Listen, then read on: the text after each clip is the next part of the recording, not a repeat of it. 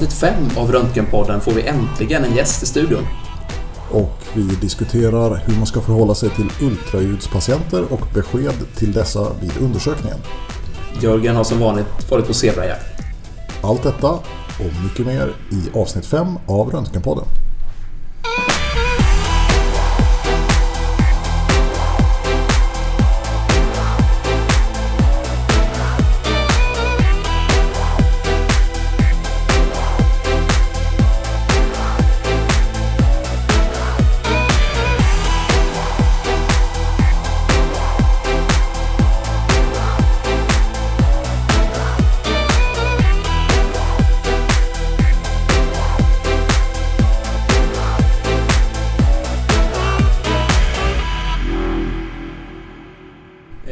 Du som ska börja med att säga hej idag Jörgen? Det kan, kan inte du göra det?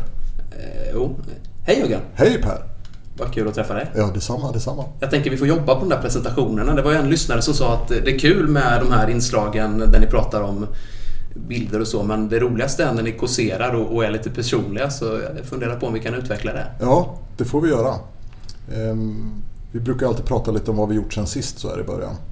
Ehm, för egen del har det inte hänt så där jättemycket spännande faktiskt. Inte på yrkesplanet i alla fall. Jag har ägnat mig åt kärnverksamhet. Tittat på bilder dagarna i ända. Skrivit utlåtanden. Det gammaldags sättet. Ja, så jobbar jag. Vad, vad har du gjort Per? Ja du, alltså jag, jag har ju... Snurrat något PGSA-hjul? Nej, det har jag inte gjort, men jag tänker jag borde kontra med något eh, annat än kärnverksamhet då. Jag har ju spelat musik. Ja, På arbetstid jag på säga, det har vi väl inte, men vi håller på och övar inför Röntgenveckan. Ja. 17-20 september. och vad har det med musik att göra? Ja, vi har Röntgenbandet. Har vi bildat. Okej. Visst låter det rock'n'roll? Ja, det låter riktigt rock'n'roll. Är du med i i röntgenbandet alltså? Ja, men det blev så. Vi fick en fråga på, på något läkarmöte där man undrade om någon spelar något instrument. Och räckte man upp handen då var man med i Röntgenbandet. Då var man körd. Jag tror att det, det brukar vara svårare att komma med i band, tänker jag. Ja. Antyder du att intagningskraven inte var så höga? Nej, det, det vill jag väl inte påstå. Men vi lever inte rockmyten riktigt heller. Men konkurrensen var inte så hård då, om vi säger så? Nej, nej, det var inga uppspelningar eller så. Okej. Vilket instrument spelar du då? Jag spelar piano. Mm. Kul. Kan du avslöja något om er repertoar på Röntgenveckan eller är det hemligt? Ja, det, jag får förmodligen repressalier så jag tror jag ligger lite lågt där. Men vi ska spela på invigningen i alla fall, så mycket kan jag väl, kan Okej. jag väl avslöja. Mm. Är det ett stort band? Sex är vi, om man räknar. Eller egentligen är vi fyra personer i bandet. Och sen är det några som sjunger också som jag inte vet varför kommer jag att tänka på sex, drugs and rock'n'roll? Ja du, det var... Jag, jag vet inte. Det, det måste ha... Det var väldigt skruvat. ja, det var skruvat. Röntgenbandet känns ganska lite. Jag tänker, vi tar in på något hotellrum och slänger ut platt-tvn genom fönstret. Ja, det får ni göra. Okej. Det, det kommer nog inte att hända. Nej, precis. Jaha, vad roligt. Men Röntgenveckan, sa du när den var eller? Ja, jag tror det. Men 17 till 20 september. Okej, ja. Ehm, och nu ska vi spela in ett poddavsnitt till. Det ska vi göra. Mm. Som vi har eh, promotat ganska länge, eller hur? Vi kommer ju få vår första gäst där. Mm, Mm. Ska vi gå rakt på det kanske? jag tycker det. Ja.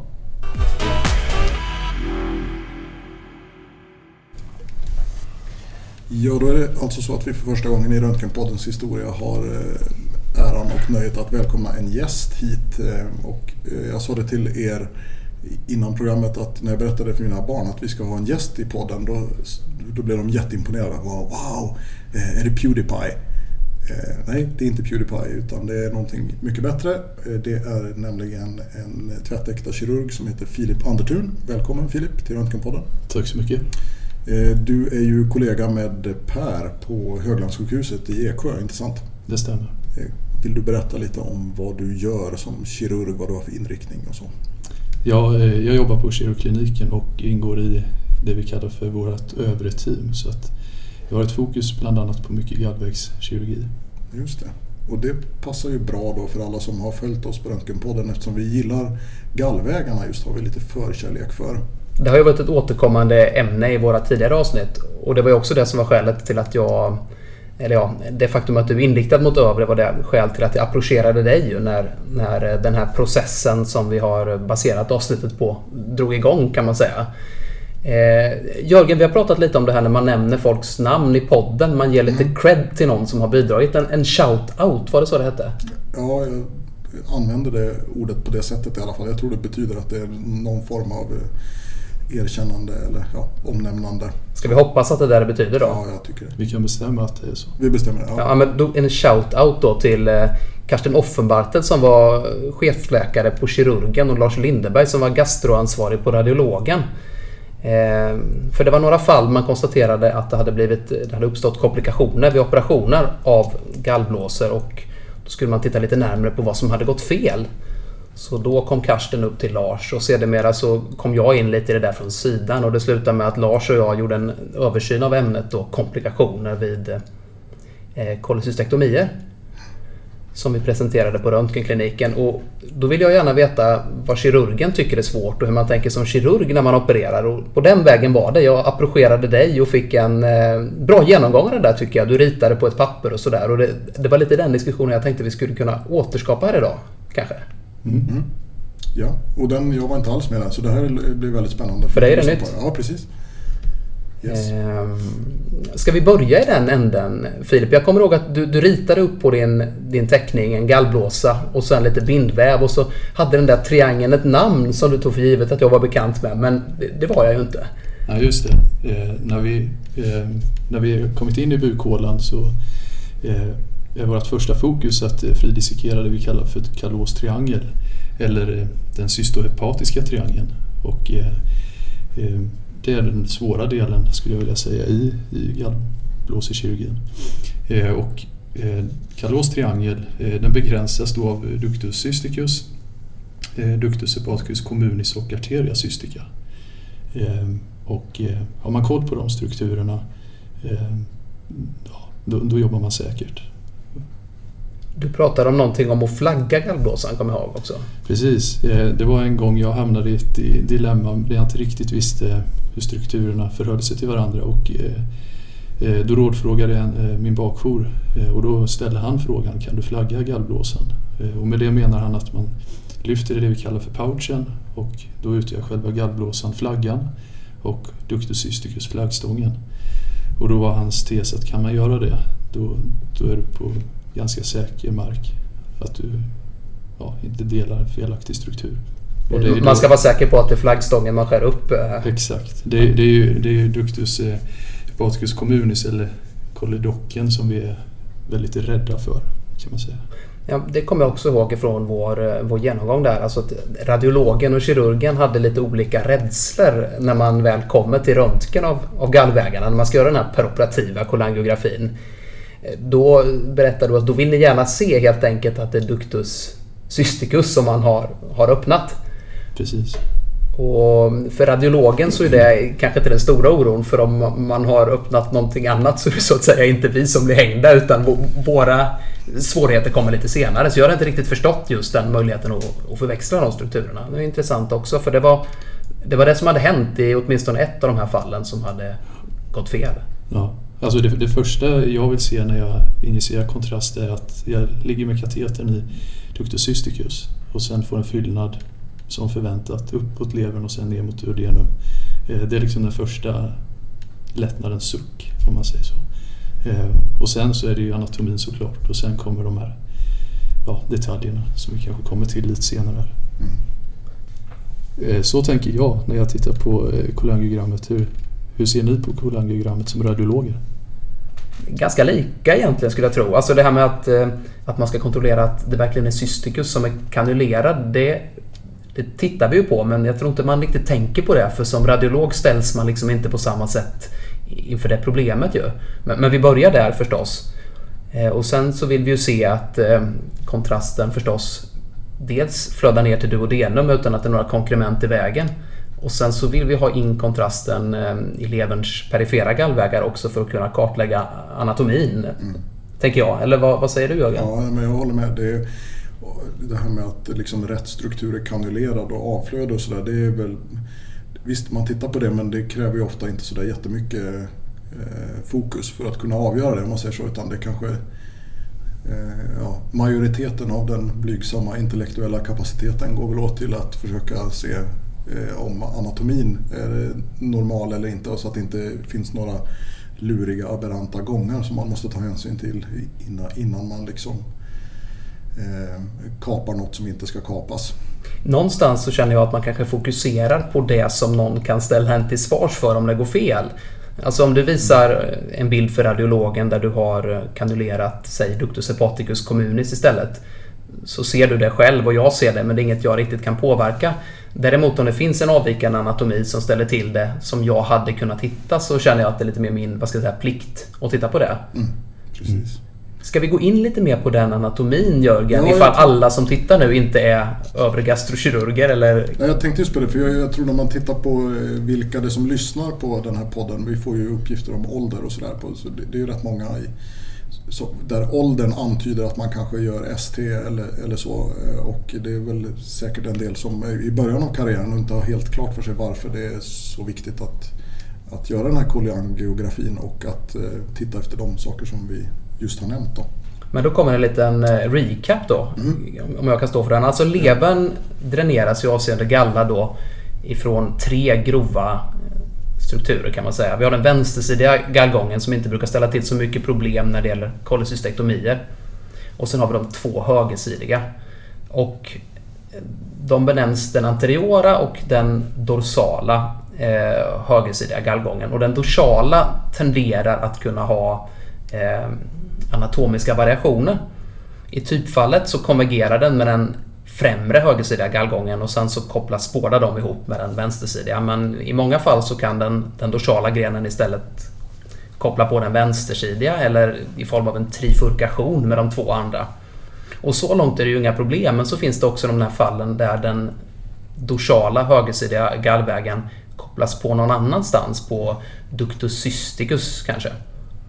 Och då kan man ju få problem, i synnerhet om det är så att man har kanulerat ductus cysticus på fel sida om dess avflöde. För då kan, då kan det vara så att den grenen överhuvudtaget inte fyller sig och i värsta fall så kan man då ligera av eh, ductus cysticus på ett sådant sätt så att den dorsala högersidiga gallvägen dräneras rakt ut i fri bukhåla. Just det.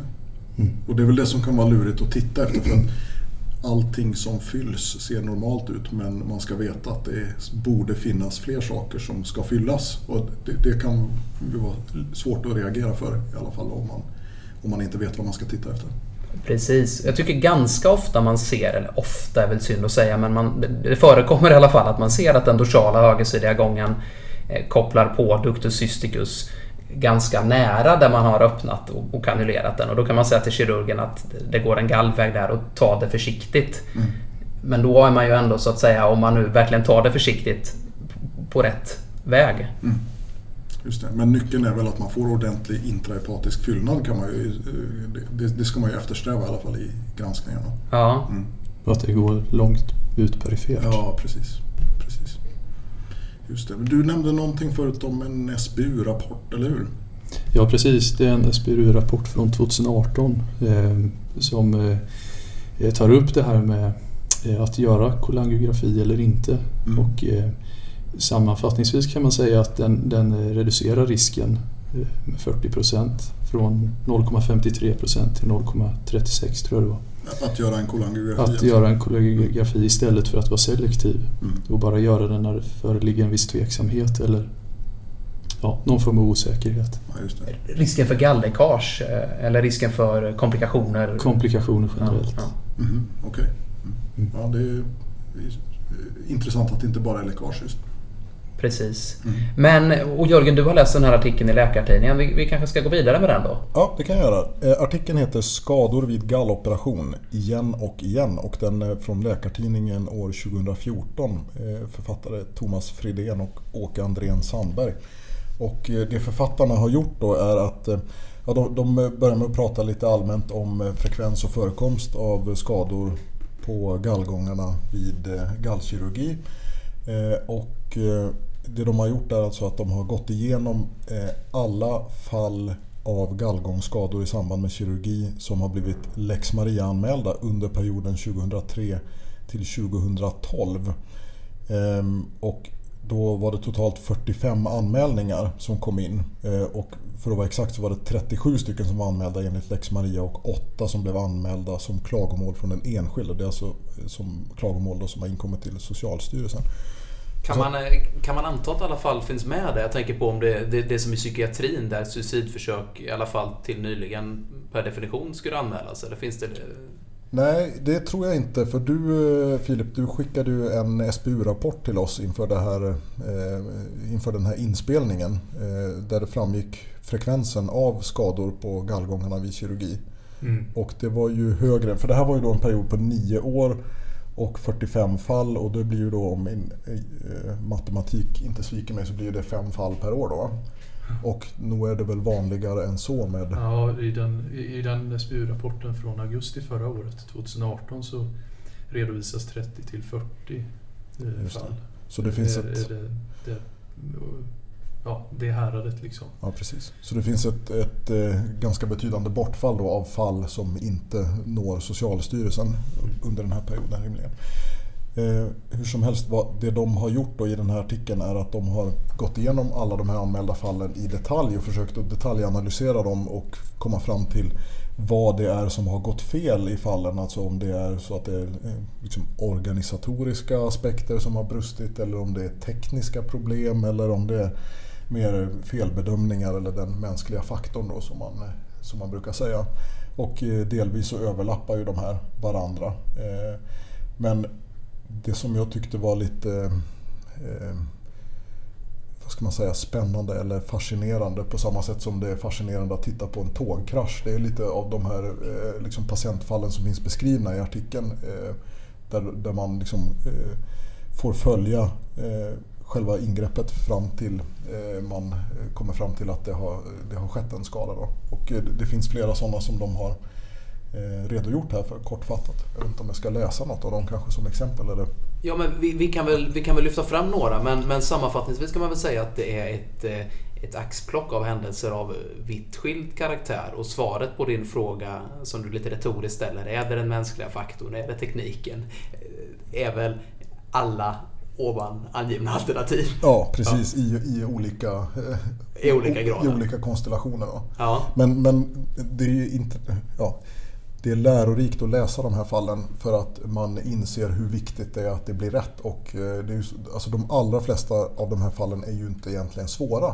Eh, de är ju lätta att förebygga. De, de är lätta att förebygga. Ja, men, men de, de, kan förebyggas. De kan förebyggas och det är viktigt att man känner till och har i åtanke att det kan gå väldigt, väldigt fel om man inte gör som man ska. Eh, och det, som, det värsta är att man kan klara sig länge eh, med att eh, inte vara medveten om det för att det är ganska ovanligt ändå att det blir fel. Och när man tittar på de här fallen så då vill man ju gärna att det ska vara normalt. Ofta är det normalt och ofta är det enkelt. Men det är när de svåra fallen kommer som man får liksom skärpa sig. Då. Ja, precis. Man, man var ju inne lite på det i artikeln där att det fanns inte någon stor överrepresentation av tekniskt svåra operationer som hade gått fel. Utan det var ganska många som så att säga fram tills det sket sig såg ut och, och, och, och var precis som vanligt. Alltså att man, ja. man, man har teorin att kirurgen var lite invaggad i en känsla av falsk säkerhet där. Det kan jag tänka mig att det blir så, eh, någon form av psykologiskt eh, felslut eller så. Om det är en, liksom, svåra förhållanden, svårt att se att man är extra noggrann då. Men när allting ser enkelt ut och det går enkelt och ja, nu är jag snart klar och är hungrig och vill äta lunch kanske, inte vet jag. Men att då, det är då liksom man börjar cutting corners så att säga och inte riktigt gör. Jo men det, det är en verklighet, det är absolut. När, när man ser lätta operativa förhållanden och ingenting som till synes ska försvåra det hela. Nej, precis. Eh, man blir alltid man blir glad ja. Av att se det liksom och man ser framför sig att det ska bli en lätt operation. Och mm. Eh, det är som du säger att man man kanske till och med får tanken att nu ska vi göra den här så fort som det bara går. Personbästa i sikte. rekord. Mm, ja, precis. det, det, det, är farligt att tänka så. Ja, visst. Och det är ju naturligtvis inte bara kirurgen utan det gäller ju radiologen också i allra högsta grad. Att man vill ju helst att det ska komma upp ett lätt fall som man kan säga på 10 sekunder, oj det var fint. Du var inne på det innan Jörgen, man vill inte vara till besvär. Man har någon gång för tio år sedan på en kurs hört att se upp för de fallen där den dorsokaudala gången mynnar precis vid gallblåsan. När man liksom har pushat kirurgerna hundra gånger för att verkligen fylla hela levern och, och, och, ingen riktigt är intresserad och det inte har gett något så, så blir man ju lite... Man tappar sugen så att säga att göra det. Ja, precis. Jag tänkte ändå att jag skulle läsa högt något av de här fallen från, från artikeln. För det sätter saker lite i perspektiv tycker jag. Eh, och då står det så här. En 34-årig kvinna opererades elektivt med minigalla, det vill säga öppen teknik med mindre snitt än vid vanlig öppen operation. Peroperativt utfördes kolangiografi. Operatören lyckades inte få upp någon kontrast proximalt i djupa gallvägarna varför han på röntgenläkarens inrådan och efter att ha ändrat nålens läge gjorde ytterligare försök. Inte heller denna gång blev det någon kontrastutfyllnad i proximal riktning. Röntgenfynden tolkades som att den djupa gallgången var mycket tunn, vilket operatören också har kommenterat i operationsberättelsen. Operatören klipsade vad han trodde var ductus cysticus och avlägsnade gallblåsan. Patienten skrevs ut dagen efter. Två dagar senare sökte patienten akut för tilltagande eh, smärta i buken och ikterus. Hon utreddes med röntgen och ERCP. Man fann att en del av den djupa gallgången var borttagen med metallklips i både proximal och distal riktning.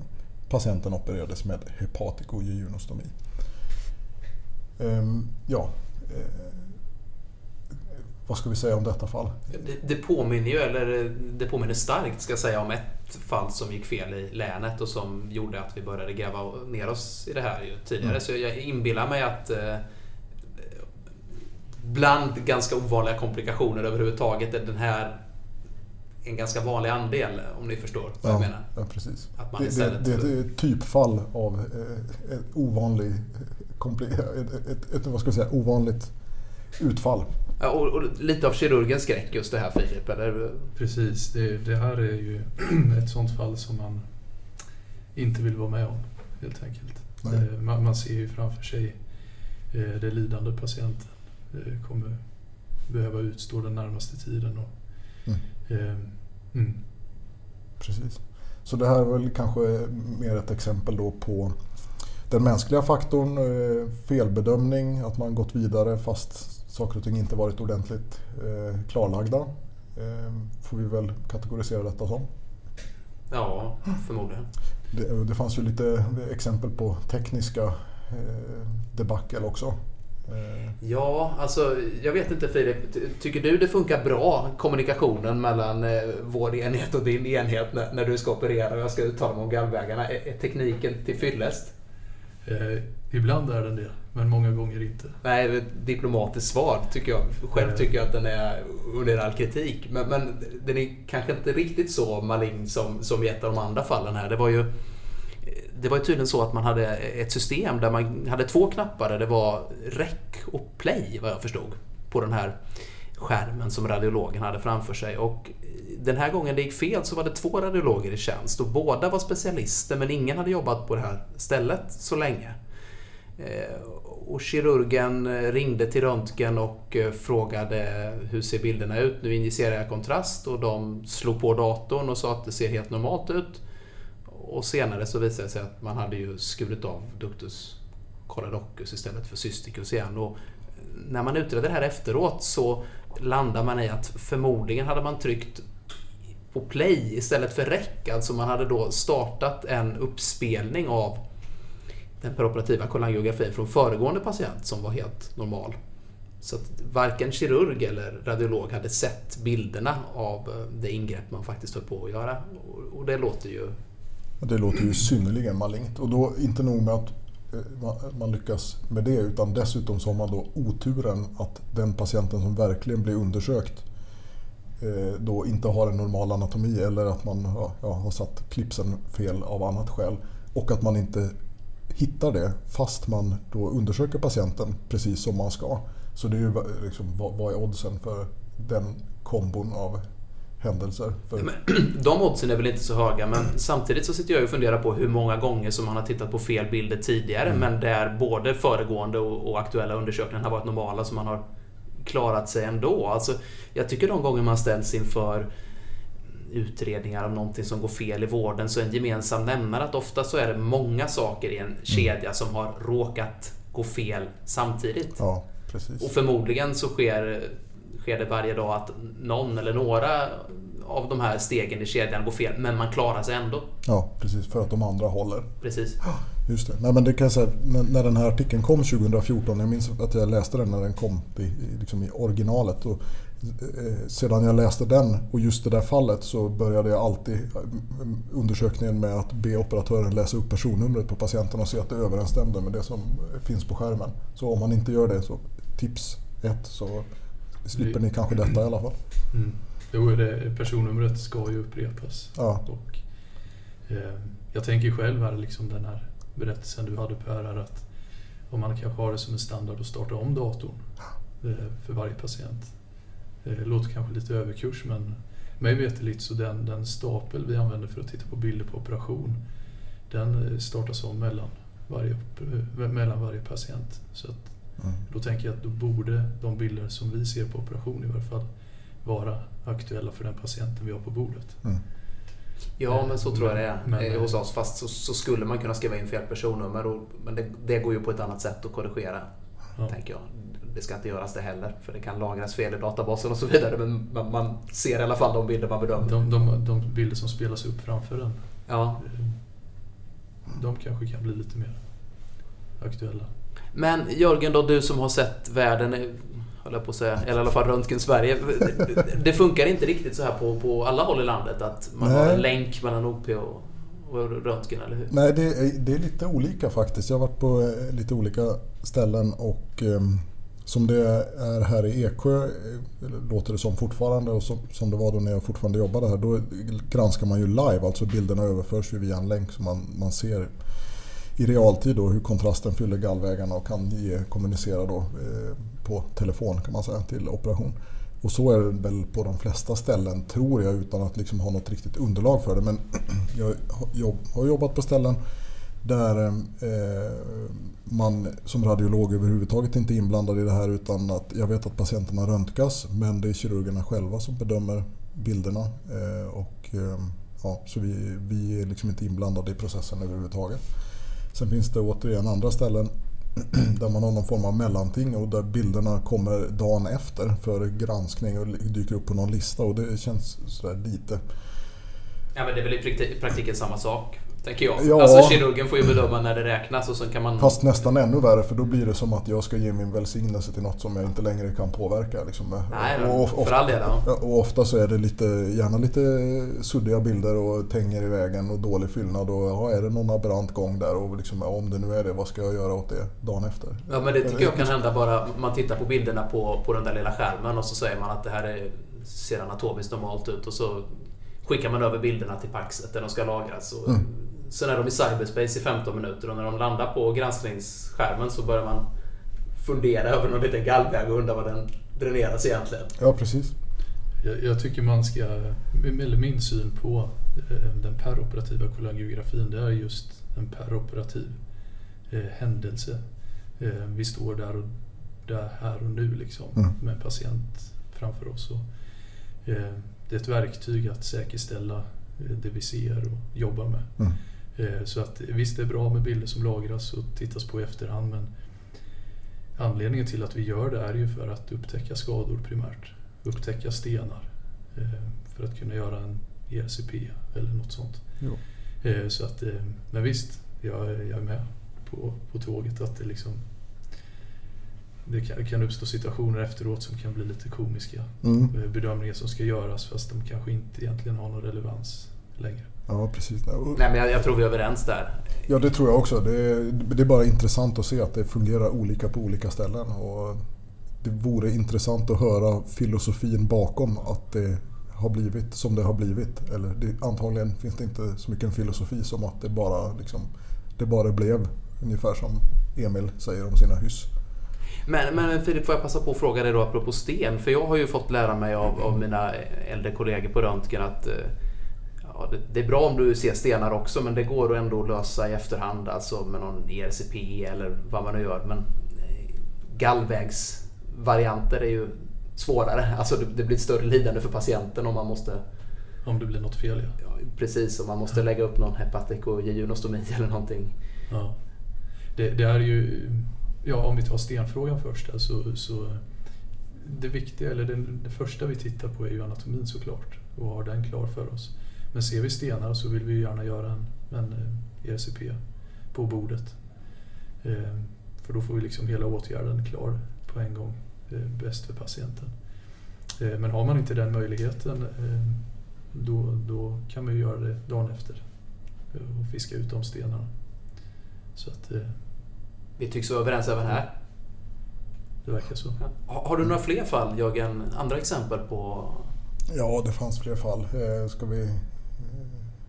Spara dem till Instagramkontot kanske? Ja, det, det, det, var en bra idé. Det kan ja. vi göra. Vi kan lägga upp lite bilder på olika kluriga peroperativa kolangiografier som eh, lyssnarna kan få öva sig på. Det är ett löfte kanske? Ja, bättre än att lägga upp bilder på vår lunch. För när vi spelar in det här så är det inte ens lunchdags utan det är ganska sent på kvällen. Så att, eh, vi kör med kolangiografier istället den här ja. gången, tror jag. Ja. Jag funderar på hur vi ska, ska avrunda det och knyta ihop säcken. Men jag, jag tänker lite alltså vi börjar med att prata, det som fick mig eh, att få upp ögonen för de här komplikationerna var ju trots allt att vi hade någon på på sjukhuset där jag jobbar. Och när jag nu ser eh, den här artikeln du har läst i Läkartidningen Jörgen och ja. din SBU-rapport Filip så, så är väl känslan ändå lite inget nytt under solen. Alltså det som gick fel hos oss har gått fel på, på andra ställen förr och kommer förmodligen gå fel igen. Men om man är uppmärksam så kan man minska frekvensen av, fel helt enkelt. Mm. Tänker jag. Har vi något mer att, att skicka med eller? Att, Ska vi säga, ta tid på dig, var noggrann. Precis, det brukar löna sig att vara noggrann. Ja. Och inte nöja sig förrän man är helt nöjd. Härligt. Vi säger så. Ja, tackar. Tack. Jörgen, du har fått in en lyssnarfråga. Tänk att det har jag faktiskt. Vår närvaro på sociala medier ger effekt. Ehm, du är nyfiken på vad det handlar om, förstår jag. Väldigt, ja, väldigt. Det är en lyssnare som har, som har hört av sig och eh, vill att vi ska diskutera lite om hur man ska förhålla sig till ultraljudspatienter när man gör ultraljud och hur mycket man ska ge besked om till ultraljudspatienterna direkt efter undersökningen. Ja, det är en spännande, det är en spännande fråga. Ja, det tycker jag. Eh, det tycker jag också. Och jag har inte reflekterat jättemycket över det. Eftersom du inte gör ultraljud utan sitter på ett kontor? Eller? Ja, jo, men jag gör ju ultraljud när jag är iväg och eh, hyrknegar. Så det gör jag faktiskt. Men eh, visst, jag gör inte lika mycket ultraljud som gemene allmän radiolog. Det, det är nog riktigt. Ger du lika mycket information som gemene radiolog då, tror du? Det vet jag inte. Och eh, det är inte så att jag har ägnat tid att efterforska hur man gör på andra ställen. Utan jag bara utgår lite från min egen erfarenhet. och eh, den är att eh, jag har inte ännu, hittills varit på något ställe där det finns någon uttalad policy för hur man ska förhålla sig till detta. Alltså där det uttryckligen är förbjudet att ge patienter besked om undersökningsresultat eller tvärtom att man uppmanar radiologerna att göra det. Ehm, så var det ju inte Eksjö när jag jobbade i alla fall och det är väl fortfarande inte så att det finns någon, någon speciell inställning uppifrån till hur man ska göra, antar jag, eller? Nej, i så fall har den gått mig förbi. Jag tänker ju lite på ultraljud som vilken annan röntgen eller för den delen labbundersökning som helst. Alltså att mm. det är en del i en bedömning som någonstans görs av en behandlande läkare och att ja. det därför är den behandlande läkaren som, som bör delge resultatet och sätta det i en kontext. Men det är klart att det är ju ett snyggt teoretiskt resonemang. När man sitter med patienten bredvid sig så är det ju inte alltid giltigt.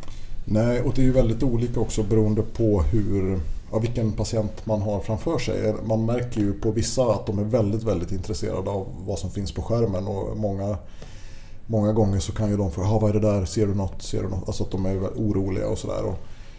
Eh, andra eh, verkar ju inte vara så intresserade eller i alla fall inte förvänta sig att de ska få något besked direkt. Så det är ju väldigt olika tycker jag från patient till patient. Ja, men visst, visst har det hänt att man har fått säga till en patient att jag måste faktiskt koncentrera mig på, på undersökningen nu. Men, men mm. de gångerna så brukar det ju följas av att man ger någon form av besked där man väger sina ord på mer guldvåg än annars. Eller så är det för mig i alla fall. Ja, precis. Och sen finns ju alltid det här knepet man kan säga till patienten andas in och håll andan. Ja, just det. Då kommer det inte så mycket frågor. Ett direkt tips kanske? Ja, precis. Det är ett, ett tips från coachen. Ja, någon kollega kommer jag ihåg när jag var under upplärning började alltid med att säga till patienten att du, jag kommer inte ge dig svar på undersökningen idag. Mm. Och det var lite smart tycker jag, för då har man dels avdramatiserat det hela och alltså jag tänker mig att om patienten nu är en sån som har förväntan på att man ska få ett svar och sen mm. så börjar läkaren sväva, då, då målar man upp allvarliga ja. diagnoser i huvudet. Har man redan från början hört att du inte får svaret så är man med på banan mer. Ja, precis. Jo, det, och precis. Och samtidigt så kan jag tycka... Jag, vet, jag är nog ganska generös med att säga vad jag hittar till patienterna. Eh, faktiskt. Och jag ska inte säga att det är sådär särskilt genomtänkt men att det faller sig lite naturligt på något sätt. Att man avslutar undersökningen med det istället för att bara säga nu är jag färdig, tack och hej. Det, jag tycker det känns lite rumphugget på något sätt. Eh, hur brukar du göra? Ja, men jag har nog samma, samma åsikt men jag har inte alltid varit det och det har väl att göra med eh, Alltså när man har gjort ett antal ultraljudsundersökningar och känner att man kan stå för svaret, alltså kanske när man börjar slutsignera dem, vilket ju Eksjö är när man är ST-läkare. Mm. Då kan man med en annan auktoritet meddela svaret än om man bara har sparat bilder där en ja. kollega ska sista svaret. Va? Så, ja. så under ST, eller början av ST när jag slutsignerar själv, så svävar jag lite mer än jag gör nu. Mm. Undantaget skulle väl då vara om man hittar en oväntad malign diagnos, vilket är sällan den förekommer. Ja. Det är lite oproffsigt då. Ja, det, det, det, tycker jag också. Och det är väl ett av de få undantagen. Och då kanske typfallet, eller typfallet, men ett, ett, tydligt exempel på det är väl kanske om det kommer en, man gör ett ultraljudsskrotum och hittar en tumör i testikeln. Mm. Och det skulle kännas väldigt konstigt tycker jag, att säga ja, du har en tumör i din testikel. Hej då! Och så liksom bara lämna patienten med det för att eh, nej, det, det är liksom inte rätt. Och samtidigt så de är ju inte dumma heller. Framförallt om de tittar på skärmen så tror jag nog att de de kan nog se att det är något som inte stämmer. Och om inte annat så är det svårt att dölja att man har hittat någonting i sitt kroppsspråk och så lite grann. Men man får väl kanske ta till något mellanting då. Att ja, det, det, kan hända att det kommer bli någon uppföljande undersökning eller att du blir kallad till att återbesöka eller lindra in det lite grann på det sättet. Och på så vis kanske förbereda patienterna på vad som komma skall. Jag ser nu framför mig en sorts skala med två axlar där det på den ena axeln är radiologens erfarenhet eller trygghet i svaret mm. om man så vill. Ja. Där god trygghet i svaret ökar sannolikheten för att man ska ge ett rakt och tydligt svar till patienten. Ja. Och på den andra axeln har man på motsvarande sätt hur pass stigmatiserande patienten tror att den diagnostiserade sjukdomen är. Ja, precis. Alltså, gemene patient har ju inte hört vår podd och just insett hur mycket skit som man kan råka ut för när man blir kolecystektomerad. Utan Nej, gallsten är ju ganska okontroversiellt att leverera som svar direkt till patienten, tänker jag mig. Ja, precis. Och, och, just den typen av patienter, de kanske har haft besvär ganska länge och är angelägna om att hitta en förklaring till det. Och då, då blir de bara glada. Inte för att de är sjuka, men för att de har en, en förklaring till, till sina besvär. Sen är det inte alltid är just gallstenen som är förklaringen men de vill gärna tro det kanske. Så. Eh, ja, men, för det är spännande också för jag uppfattar det som att ganska många patienter kommer till undersökningen med önskemålet om att det ska inte vara något farligt, men, men det ska gärna vara något. Alltså, ja, man vill precis. inte gå därifrån utan en förklaring till sina besvär. Nej, och hittar man inget så blir de ofta lite missnöjda. Sådär. Ja, vilket lite tyvärr uppfattar jag rimmar dåligt med vilka patienter som selekteras till ultraljud. Mm. För det är ju på sätt och vis en, en strålningsfri undersökning som man kan kosta på sig. Alltså många med ja. övre buksmärta av okaraktäristisk art hamnar där. Mm. Vi har också många, man undersöker knölar. Knölografier? Ja, ytliga knölar. Mm. Och så vill då remittenten veta om det är någonting och allt vi egentligen kan säga är ju det är solitt eller det är vätska och har det Doppler eller inte. Ja, ungefär så. Och jag, jag upplever när det kommer då, de här knölografierna att eh, jag väger in eh, kliniken och anamnesen minst lika mycket, om inte mer, i eh, mitt utlåtande än vad jag gör de bildmässiga fynden egentligen. Om patienten säger att den här knölen har jag haft i, i två år, ja, då är det väl antagligen inget malignt. Liksom. Och, det har stor betydelse för hur jag tolkar bildfynden i många fall. Och egentligen så känner jag lite grann att jag gör klinikerns jobb också när jag eh, liksom ska författa utlåtanden. Till ja, men du gör säkert en korrekt bedömning men det är ju din grundutbildning till läkare och inte ultraljudsundersökningen som sådan som gör jobbet. Precis, ja, men så är det. Men nu svävar vi ut lite. Vad, vad, vad, vad blir svaret på frågan egentligen? Ja, eh, jag vet faktiskt inte. Det vore ju intressant att få lite mer input eh, eh Eh, från eh, lyssnarskaran. Om det nu är så att någon jobbar på ett ställe där det faktiskt finns en uttalad policy för hur man ska bete sig. Jag vet ju i alla fall att det finns kollegor som, som gör så att de i princip aldrig säger någonting till patienterna direkt på undersökningsrummet. Eh, jag gör inte så, rätt eller fel, eh, men jag vet som sagt att det förekommer. Det kanske har lika mycket med ens personlighet att göra som med var man jobbar och vad som gäller på arbetsplatsen. För visst finns det undersökningar där det, alltså det är ju inte alltid man, man vet direkt när man har gjort undersökningen. Alltså det, det går ju inte alltid att ge ett definitivt svar. Ibland hittar man ju konstiga saker som man känner att det här måste jag få titta på igen och kanske konsultera någon och slå lite i böcker och sådär. Ehm. Det kanske inte är Röntgenpoddens uppgift att tala om för kollegorna hur man ska göra utan det kanske är Röntgenpoddens uppgift att ta reda på hur det ligger till och medvetandegöra kollegorna om det. Ja, precis. Vi har ju digitala verktyg till vårt förfogande, eller? Ja, ja det har vi absolut. Uh, nej, vi, vi, kan nog inte ge något klart besked om hur man ska göra. Utan det är väl bara att konstatera att folk gör lite olika och att det gäller att hitta uh, ett förhållningssätt som passar ens, ens egen personlighet. Och jag tror om man uh, pratar med patienterna och försöker känna in vad det, är, ja, vad det är för en patient man har framför sig och vad det är för undersökning det handlar om. Att man kommer långt med det. Mm. Skicka inte hem en patient med ett besked som kan kräva bearbetning i någon form är väl i alla fall ett stalltips. Nej, då ska man väl möjligen om man jobbar på ett ställe där det går att få till så att patienten direkt kan få träffa en, en kliniker som kan ta hand om beskedet. Eh, det kanske skulle vara det bästa då, men jag inbillar mig att det är ganska omtumlande också. Så att, eh, ja, eh, det, är, det är svårt att säga faktiskt, tycker jag. Jörgen, du har fångat en ny zebra, eller en gammal kanske? Ja, det är lite uppföljning av tidigare tema kan man säga. Okej. Okay. Ja, vi pratade ju för några avsnitt sen, vilket var det? Var det avsnitt två eller tre? Jag kommer inte ihåg. Vi pratade hur som helst om eh, aortadissektioner och klassifikation av aortadissektioner Precis, i typ A och typ B. Ehm, och eh, den minnesgode Eh, kommer ihåg att det handlade lite grann om hur man ska förhålla sig till dissektioner som utbreder sig i arkus. Och om de var A eller B eller om man skulle kalla dem för typ B med arkusengagemang. Visst var det så? Absolut. Mm. Och då eh, lyckades jag hitta ett fall här för ett tag sedan eh, som var eh, långt ifrån ett typfall kan man säga. För då visade det sig att patienten hade en arteria lusoria. Det vill säga, hur blir det nu?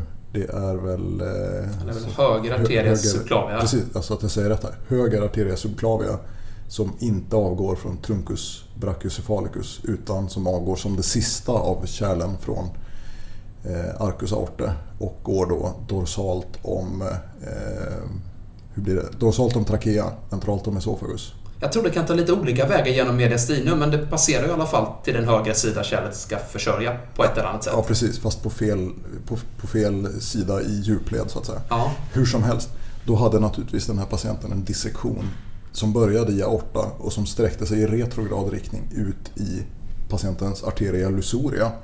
Vilket ju är lite udda för att normalt sett så skulle ju inte en en typ B-dissektion då som detta var med arkusengagemang i retrograd riktning i först engagera kärlet som går till höger arm utan det skulle ju rimligen gå till vänster arm då, eller hur?